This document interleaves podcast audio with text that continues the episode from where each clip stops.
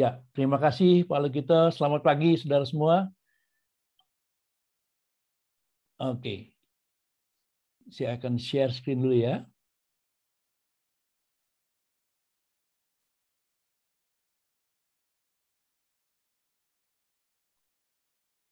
Baik. Berlari dalam jalur Anda. Tema ini saya uh, pakai untuk kita dapat sama-sama memahami bahwa di dalam kita memberitakan kasih karunia Tuhan, memberitakan kabar baik, kita punya talenta, kita punya karunia, dan Tuhan bisa memakai setiap kita untuk dapat menjangkau banyak orang melalui apa yang kita punya. Apa yang talenta kita punya, apa yang karunia kita punya, Tuhan memampukan kita untuk dapat menjangkau jiwa. Untuk itu kita mau belajar dari apa yang Paulus katakan di dalam 1 Korintus 9 ayat yang ke-24 sampai ayat yang ke-27. Yang berkata, "Tidak tahukah kamu bahwa dalam gelanggang pertandingan semua peserta harus berlari, tetapi bahwa hanya satu orang saja yang mendapat hadiah. Karena itu, larilah begitu rupa, sehingga kamu memperolehnya. Tiap-tiap orang yang turut mengambil bagian dalam pertandingan, menguasai dirinya dalam segala hal. Mereka berbuat demikian untuk memperoleh suatu mahkota yang fana. Tetapi kita untuk memperoleh suatu mahkota yang abadi. Di ayat 26, sebab itu aku tidak berlari tanpa tujuan dan aku bukan petinju yang sembarangan saja memukul. Tetapi aku melatih tubuhku dan menguasainya seluruhnya supaya sesudah memberitakan Injil kepada orang lain, jangan aku sendiri ditolak. Demikian pembacaan dari uh, satu perikop dalam kitab uh, eh, 1 Korintus 9 di mana Paulus bercerita tentang upah dan rasul yang uh, dia ungkapkan pada jemaat di Korintus dan apa yang dia katakan kepada jemaat di Korintus, bagaimana dia memberikan teladan, menanggalkan segala uh, atributnya dia untuk menjadi uh, mengambil rupa seorang hamba supaya dapat menjangkau banyak orang. Dikatakan kalau aku berada di tengah-tengah orang Yahudi, aku seperti Yahudi. Kalau aku eh, berada di tengah-tengah orang Yunani, aku seperti orang Yunani dan kalau aku berada di bawah orang-orang yang berada dalam hukum Taurat, aku berada seperti mereka dan sebagainya. Berarti apa yang dilakukan eh, oleh Rasul Paulus untuk dapat memenangkan banyak orang, bahkan yang yang hak yang dia biasa dapat, hak yang biasa diterima, yaitu dia tidak lakukan itu supaya tidak menjadi suatu ganjalan di dalam pemberitaan Injil Kristus. Saudaraku sekalian, kita makanya dia, mengajak kita semuanya pagi ini mengambil satu analog tentang berolahraga, olahragawan. Setiap kita mesti me, me, mempersiapkan sama seperti seorang olahragawan, mempersiapkan eh, setiap pribadi kita untuk supaya kita dapat melatih tubuh kita sehingga kita menjadi orang yang dapat menguasai diri, memberitakan kasih dan anugerah Tuhan. Dalam pembacaan ini saya akan melihat bahwa untuk meraih kemenangan membutuhkan yang namanya tujuan. Tujuan yang Paulus katakan yang ingin dicapai yaitu yang pertama memuliakan Allah dan membawa orang-orang kepada Kristus. Yang kedua, yaitu disiplin yang tinggi, kerja keras, penyangkalan diri, persiapan yang baik, doa, penelaah Alkitab, dan ibadah yang memperlengkapi kita untuk berlari dengan kekuatan, dengan stamina. Dalam apa pun yang dia lakukan, Paulus ingin supaya setiap kita semuanya melakukan itu dengan tujuan. Agar apa? Agar lebih efektif. Bukan hanya sekedar memberitakan, tapi sesuatu yang ingin dicapai. Dan dilatih disiplin yang tinggi supaya apa yang kita lakukan tidak dapat tergoyahkan. Ya, saya menganalogikan seperti ini dalam mempersiapkan tujuan, yaitu mempersiapkan diri, waktu pribadi adalah waktu yang sangat penting melalui doa, pujian, dan penyembahan yang seperti biasa kita lakukan. Dari waktu ke waktu, dari waktu ke waktu, kita mengisi kehidupan kita dari pagi sampai malam. Setiap hari kita angkat pujian penyembahan sebelum kita mau melakukan segala aktivitas, kita mempersiapkan diri seperti sekarang ini yang kita sedang lakukan yang sudah berjalan cukup lama. Membuat kita menjadi orang yang siap untuk terjun, siap untuk menjadi berkat, siap untuk berjalan dengan kasih karunia Tuhan, dengan talenta setiap kita yang kita miliki, dengan karunia-karunia yang Tuhan milik Tuhan berikan bagi setiap kita, sehingga setiap kita melakukan itu dipersiapkan Tuhan. Kedisiplinan kita bangun pagi, ketertiban kita dalam membaca firman Tuhan, sebenarnya itu telah mengisi hidup kita, melengkapi kita supaya kita lebih siap lagi untuk memberitakan kemuliaan Tuhan. Satu waktu dalam dalam kesempatan-kesempatan ini ada seorang yang menghubungi saya, datang kepada kita dan uh, melihat uh, saya nggak kenal orang itu, saya cuma dikenalkan saja. Dia bilang Pak, nanti ada orang yang datang ke Bapak uh, hendak mengantar sesuatu buat Bapak sekeluarga. Dan saya nggak kenal orang itu dan mereka melihat datang ke tempat kita, melihat keluarga kita, dan kesan yang dia dapat karena seorang ibu ini bertemu dengan kami semua di sini dan dia menceritakan pertemuan kita kepada teman yang memberitahukan kepada saya. Jadi dia bilang bahwa kami cukup terkesan pertemuan pertama kali keluarganya Pak Sohi. Jadi begitu dilapor dan dia minta kapan waktu untuk dapat melayani, untuk dapat dilayani oleh kami. Dan uh, ada banyak cerita yang dia telah sharingkan dan kita menceritakan tentang kebaikan-kebaikan Tuhan dan kita sedang berdoa untuk bisa dapat kita jangkau lebih dalam lagi.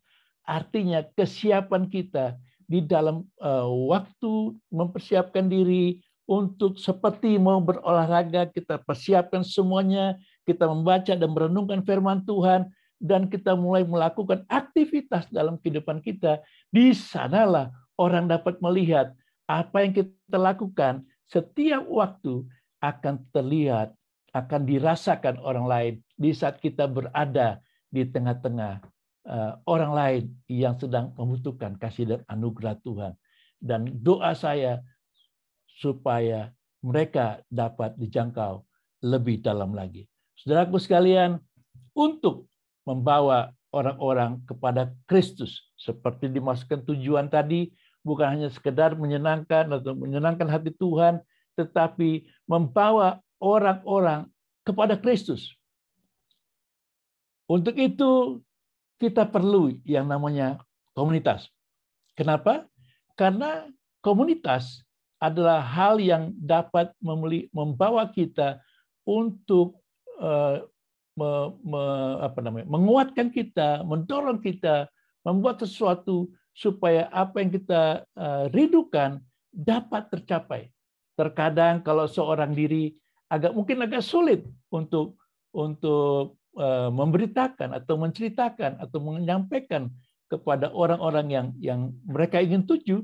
Karena apa? Uh, terkadang juga kurang siap atau mungkin mungkin memiliki rasa sungkan, malu dan sebagainya. Tapi kalau kita berada di tengah-tengah komunitas yang pada umumnya kita atau yang sekarang dikenal di, di kita yaitu kelompok kesan, ini kita perlukan. Amin.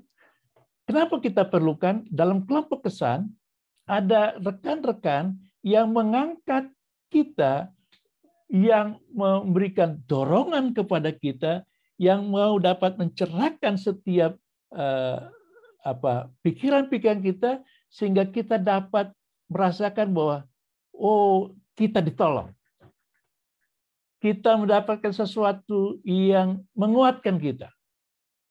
Kita mendapatkan solusi yang diberikan, diangkat kita, di di apa maksudnya dihibur kita, membuat kepercayaan diri kita lebih baik lagi. Kemudian bukan hanya itu saja, mendorong kita supaya menginspirasi kita, memotivasi kita, menantang kita untuk lebih maju lagi untuk mengejar tujuan yang ingin dicapai. Dalam kelompok kesan kami, kami lakukan itu. Kami dorong supaya kasih anugerah Tuhan terjadi di dalam anggota kelompok kita. Ada yang sakit, ada yang lemah, ada yang malu, ada yang sungkan. Kita dobrak semuanya. Kita berikan semangat, saudaraku sekalian, dan di kelompok kesan kami yang saya pimpin. Kesan keluarga, yaitu keluarga ini banyak mengalami kemajuan yang luar biasa. Dan kita melihat bahwa ada hal-hal yang yang Tuhan nyatakan kasih karunia Tuhan di tengah-tengah uh, komunitas ini, kelompok kesan ini. Untuk itu saya ingin mengajak setiap saudara, jika engkau mengalami kesulitan, jika engkau mengalami kesulitan, mengalami apa rasa malu kah, rasa sungkan kah, nggak berani kah, kurang percaya diri, carilah komunitas, carilah kelompok kesan, supaya di sanalah kita dapat merasakan apa yang kita punya dan kita dapat berikan bagi orang lain. Atau kita dapat menerima semua yang yang diberikan kepada setiap pribadi kita sehingga kita dapat me, me, me, mengartikan kata saling itu saling mendoakan saling uh, uh, memberikan uh, kekuatan saling seperti apa yang kita baca pada pagi ini. Menginspirasi setiap kita sehingga kesan bukan hanya sekedar berkumpul, kesan merupakan satu sasaran bahwa kita ingin mengembangkan kesan menjadi eh, anggota-anggota kesan yang kreatif, anggota-anggota kesan yang mendapatkan pertolongan Tuhan di dalam segala hal. Dan saya katakan kepada kelompok kesan kita, mari kita cari lagi keluarga-keluarga yang lain. Kita cari lagi jiwa-jiwa baru. Kita berdoa buat mereka. Supaya apa?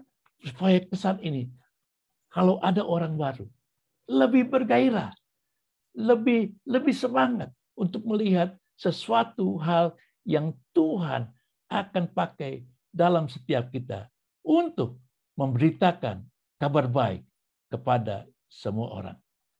Dan di dalam kesan atau dalam komunitas kita, apa pun komunitas kita pada hari ini, mungkin bukan hanya sekedar kelompok kesan, ada yang banyak komunitas seperti sekarang ini seperti eh, komunitas sepeda yang pagi-pagi sudah mulai keluar untuk berolahraga di saat hari Minggu ini. Kita banyak melihat. Nah, jadikan kelompok-kelompok eh, komunitas ini, interest interest group ini atau kesan kita menjadi kesan yang bisa saling mendoakan satu yang lain. Karena saya percaya setiap kesan, anggota kesan atau setiap kita pasti membutuhkan pertolongan dari rekan-rekan yang lain. Saudaraku sekalian, di dalam perjalanan kehidupan pelayanan saya bahwa dalam kelompok-kelompok hal itu lebih efektif. Lebih dapat melihat bahwa setiap pribadi kita dimampukan Tuhan untuk dapat menjangkau jiwa-jiwa baru. Dan saya ingin mengajak semuanya setiap uh, MDC Bekasi, eh, MDC Jakarta, Bekasi Barat, Bekasi Timur, bahkan Serpong untuk dapat melihat, yuk ada banyak tuayan, ada banyak yang Tuhan persiapkan buat setiap kita. Kalau kita sungkan, kalau kita merasa, kalau kita sendiri kurang kurang efektif, oh, mari kita ajak teman-teman yang lain untuk dapat menjangkau jiwa atau dapat eh, memenangkan mereka bahwa bagi kepada mereka Kristus yang akan menjadi penolong mereka di dalam perjalanan kehidupan mereka sehari-hari. Tuhan dan sekalian tujuan ada ada kata disiplin. Disiplin. Disiplin ini penting karena disiplin itu menghasilkan yang pertama tiga poin ini yaitu keintiman dengan Tuhan. Berani berkata tidak kepada siapa pun yang ingin menjauhkan anda dari Yesus Kristus. Ingin menjauhkan kita dari pertemuan-pertemuan, ingin menjauhkan kita dari ibadah, ingin menjauhkan kita daripada kebiasaan-kebiasaan yang kita kita bangun.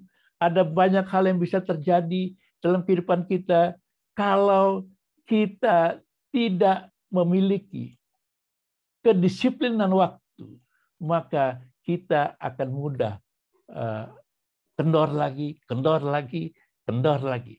Nah, biarlah rohmu menyala-nyala kata Tuhan dan layannya Tuhan kita perlu yang namanya disiplin yaitu kita punya waktu pribadi dengan Tuhan. Nah, disiplin juga bisa menghasilkan sesuatu hal yaitu orang-orang yang memiliki komitmen. Tidak mudah diombang-ambingkan dengan situasi dan kondisi yang ada di dalam perjalanan hidup kita. Kan ada banyak berita, ada banyak eh, eh, hal-hal yang kita terima dari dari media sosial, dari hal apa saja kita bisa terima, apalagi ditambah lagi oleh situasi yang seperti yang sedang banyak kita alami pada saat-saat sekarang ini. Kita tinggal memilih gereja di di tempat Eh, di handphone kita yang banyak gereja secara online. Kita dapat melihat ada banyak persekutuan, ada banyak hamba-hamba Tuhan, bahkan hamba-hamba Tuhan yang baru nongol banyak banget. Dan pengajaran-pengajarannya eh, yang yang yang sulit dipertanggungjawabkan. Pembicaraan-pembicaraan yang yang kita nggak kenal siapa orangnya. Orang-orang baru. Karena dengan mudah orang dapat uh, mengakses khotbah-khotbah mereka, pelayanan mereka melalui eh, media online. Nah, kalau kita memiliki kedisiplinan waktu, yaitu dalam merenungkan firman Tuhan, disiplinan waktu dalam segala hal, maka kita menjadi orang yang tidak gampang diombang-ambing oleh ajaran, oleh situasi, oleh apa saja yang masuk dalam kehidupan kita, sehingga kita menjadi orang-orang yang kuat di dalam segala hal. Yaitu kita tetap percaya bahwa sekali Yesus, tetap Yesus. Yang percaya katakan amin. Amin. Membangun satu uh, komitmen yang luar biasa. Saudaraku sekalian, saya tergabung di dalam MDC uh, eh, GKPB lah istilahnya. Karena asal gereja saya GBI di di di, di bilangan Tebet sana. Waktu saya masih remaja, saya melihat uh, orang tua saya di dalam persekutuan doa, persekutuan Matraman 200, dari persekutuan Matraman itu lahir satu gereja yang yang namanya gereja Kristen, GKPB, Fajar Kebangkitan waktu itu. Waktu itu ber, tahun 91 kalau nggak salah kita berdiri dan ada banyak hal. Dan kenapa saya pilih GKPB? Ya, Papa saya bilang, eh, silakan kamu mau pilih yang mana di mana yang kamu bisa berjalan dalam kehidupan kamu. Kamu pilih bebas sesuai dengan apa yang kamu kendaki. Dan saya memilih GKPB. Kenapa, saudara? Karena GKPB adalah pada waktu itu, era 90-an, yang, yang saya rasakan, yaitu satu gereja yang ada kelas pemuritannya, pengajarannya. Ini yang saya pilih. Bukan hanya sekedar bergereja, tetapi ada pemuritannya di, di, dimenangkan, dibina, di, kemudian diutus. Ada satu filosofi yang sangat indah yang ada di dalam gereja GKPB sampai sekarang ini.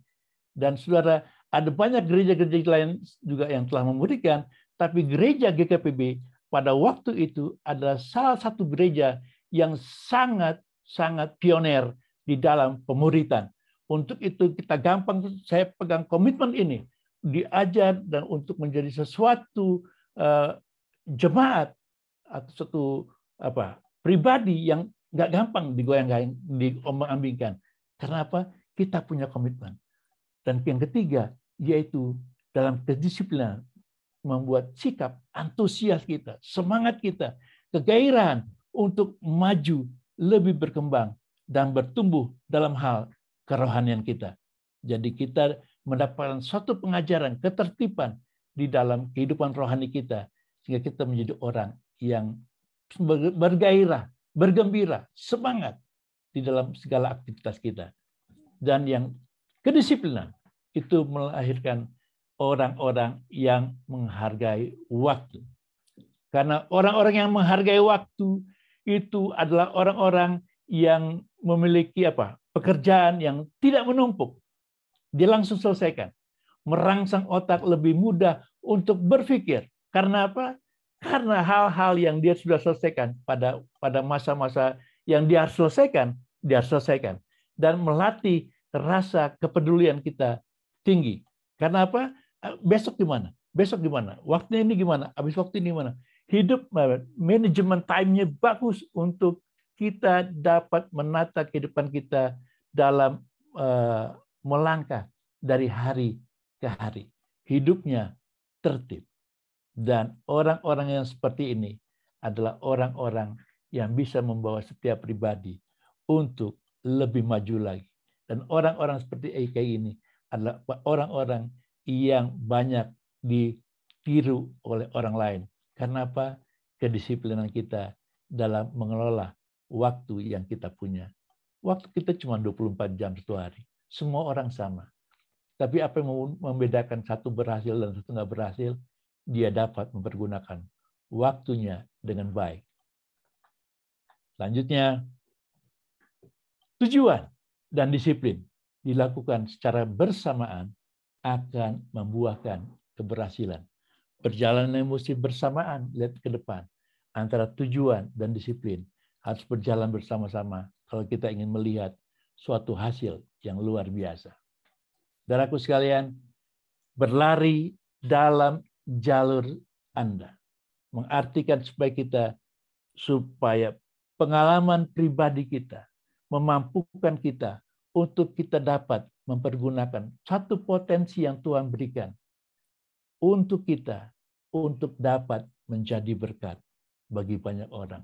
Mengalami Tuhan secara pribadi di dalam segala hal dalam persekolahan itu itu yang merupakan sangat penting dalam kehidupan kita. Ayub berkata, hanya dari kata orang saja aku mendengar tentang engkau. Tetapi sekarang mataku sendiri memandang engkau. Saudaraku sekalian, pengalaman pribadi dengan Tuhan itu penting dan sangat penting. Saudaraku, kalau kita nggak pernah mengalami eh, pribadi dengan Tuhan dalam sekecil apa pun, kita akan agak sulit untuk menceritakan tentang kebaikan Tuhan kepada orang lain. Kita akan merasa ya biasa saja. Kita menjadi seorang ya Kristen biasa saja. Kenapa? kita nggak merasakan satu satu apa namanya kegairahan roh. Kita dapat merasakan uh, Yesus itu ajaib, Yesus itu menyembuhkan, Yesus itu menyelamatkan, Yesus itu menguatkan. Itu kebanyakan yang kita lihat kepada orang lain. Kita nggak pernah merasakan secara pribadi. Nah, untuk itu perlu mengalami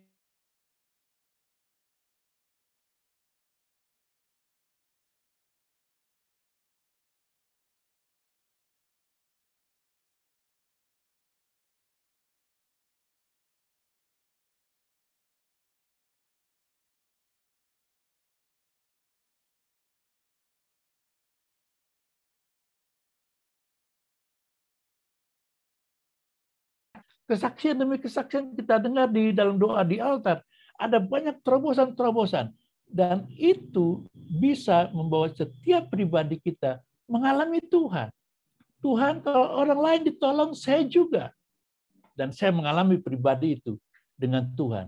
Sehingga di dalam ke, ke, ke, ke pelayanan saya, saya dapat menceritakan bagaimana Tuhan itu baik. Bukan hanya seperti kata Alkitab, tapi saya mengalami pertolongan, pertolongan Tuhan dalam kehidupan saya. Dan sampai pada pagi ini, Tuhan memberikan pertolongan-pertolongan bagi saya.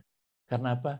Kasih dan anugerah Tuhan itu kita rasakan dari waktu lepas waktu. Kemudian perlunya komunitas, sangat penting saudara. Karena kita nggak bisa berjalan sendiri. Kita perlu eh, mempertajam talenta kita, kita perlu mempertajam karunia kita. Dalam 1 Tesalonika 5 ayat 11, saya pakai eh, bahasa Indonesia masa kini, sebab itu hendaklah kalian tetap saling mendorong dan saling menguatkan sama seperti yang kalian sedang lakukan sekarang ini.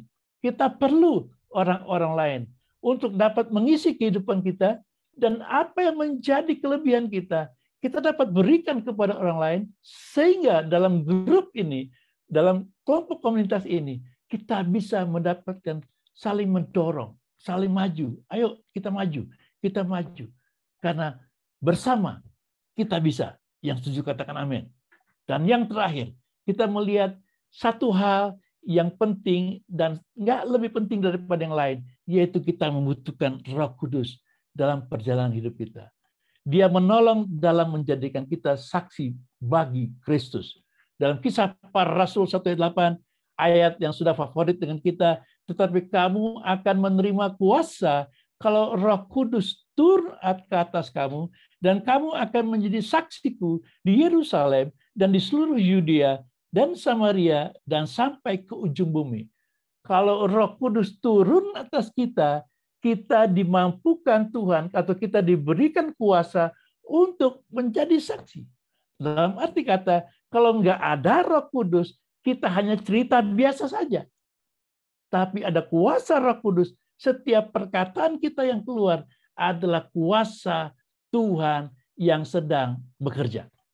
Amin, saudara kita akan melihat perkataan-perkataan kita, pelayanan kita akan lebih efektif di saat kita memberi peranan Roh Kudus dalam kehidupan kita, sehingga perjalanan kita semakin hari semakin kuat, semakin hari semakin merasakan bahwa apa yang kita lakukan tidak pernah sia-sia. Saudaraku sekalian, mari berlari dalam jalur Anda. Artinya Tuhan memberikan talenta. Jangan pakai talenta orang lain. Jangan pakai karunia orang lain. Tuhan memberikan sesuatu yang istimewa buat setiap pribadi kita. Supaya kita bisa berjalan dalam track kita. Dan kita bisa berjalan dalam talenta kita. Kita bisa berjalan dalam apa yang telah Tuhan berikan bagi kita. Sehingga dengan keberadaan kita, ada banyak orang dimenangkan bagi Kristus. Karena sasaran kita dalam kehidupan kita nggak ada lain lagi selain menyenangkan hati Tuhan dan membawa orang-orang datang kepada Kristus. Besok Senin kita akan mendengar the right time, waktu yang tepat untuk uh, setiap saudara semuanya menjadi berkat buat banyak orang yang akan disampaikan oleh Pak Lukito Budiharjo. Tuhan Yesus memberkati kita semuanya. Mari kita berdoa. Haleluya, haleluya. Terima kasih Tuhan. Terima kasih. Mari saudaraku sekalian, saya rindu saya mau berdoa buat setiap pribadi bahwa kita telah dipersiapkan Tuhan, kita telah uh, diperlengkapi Tuhan untuk masuk dalam track kita masing-masing. Kita berjalan dalam kehidupan kita masing-masing. Dan kami percaya Tuhan, Tuhan membawa setiap pribadi pada pagi ini untuk dapat menjangkau, membawa teman-teman, saudara, famili kita kepada Kristus. Dan kemampuan kita hanya dapat dari kuasa roh kudus yang memampukan setiap pribadi kita mengalami terobosan-terobosan baru. Dan aku berdoa Tuhan di dalam nama Tuhan Yesus. Diperlengkapilah saudaraku sekalian. Diberkatilah saudara sekalian. Di, diberikan kuasa Tuhan untuk dapat melihat tuayan telah ada di tengah-tengah kita. Tuhan diberikan, Tuhan memberikan kepada setiap kita kemampuan untuk dapat menceritakan kemurahan Tuhan kepada banyak orang lain. Dan untuk itu memasuki pekan ini Tuhan Yesus, memasuki minggu ini, kita mau terima berkat-berkat Tuhan daripadamu sehingga kami diberkati. Mari angkatlah tanganmu, terima berkat Tuhan. Berkat kasih dan anugerah dari Allah Bapa kami yang di sorga. Cinta kasih dari Tuhan kita Yesus Kristus dalam persekutuan yang erat dengan Roh Kudus menyertai Bapak Ibu Saudara sekalian sampai selama-lamanya.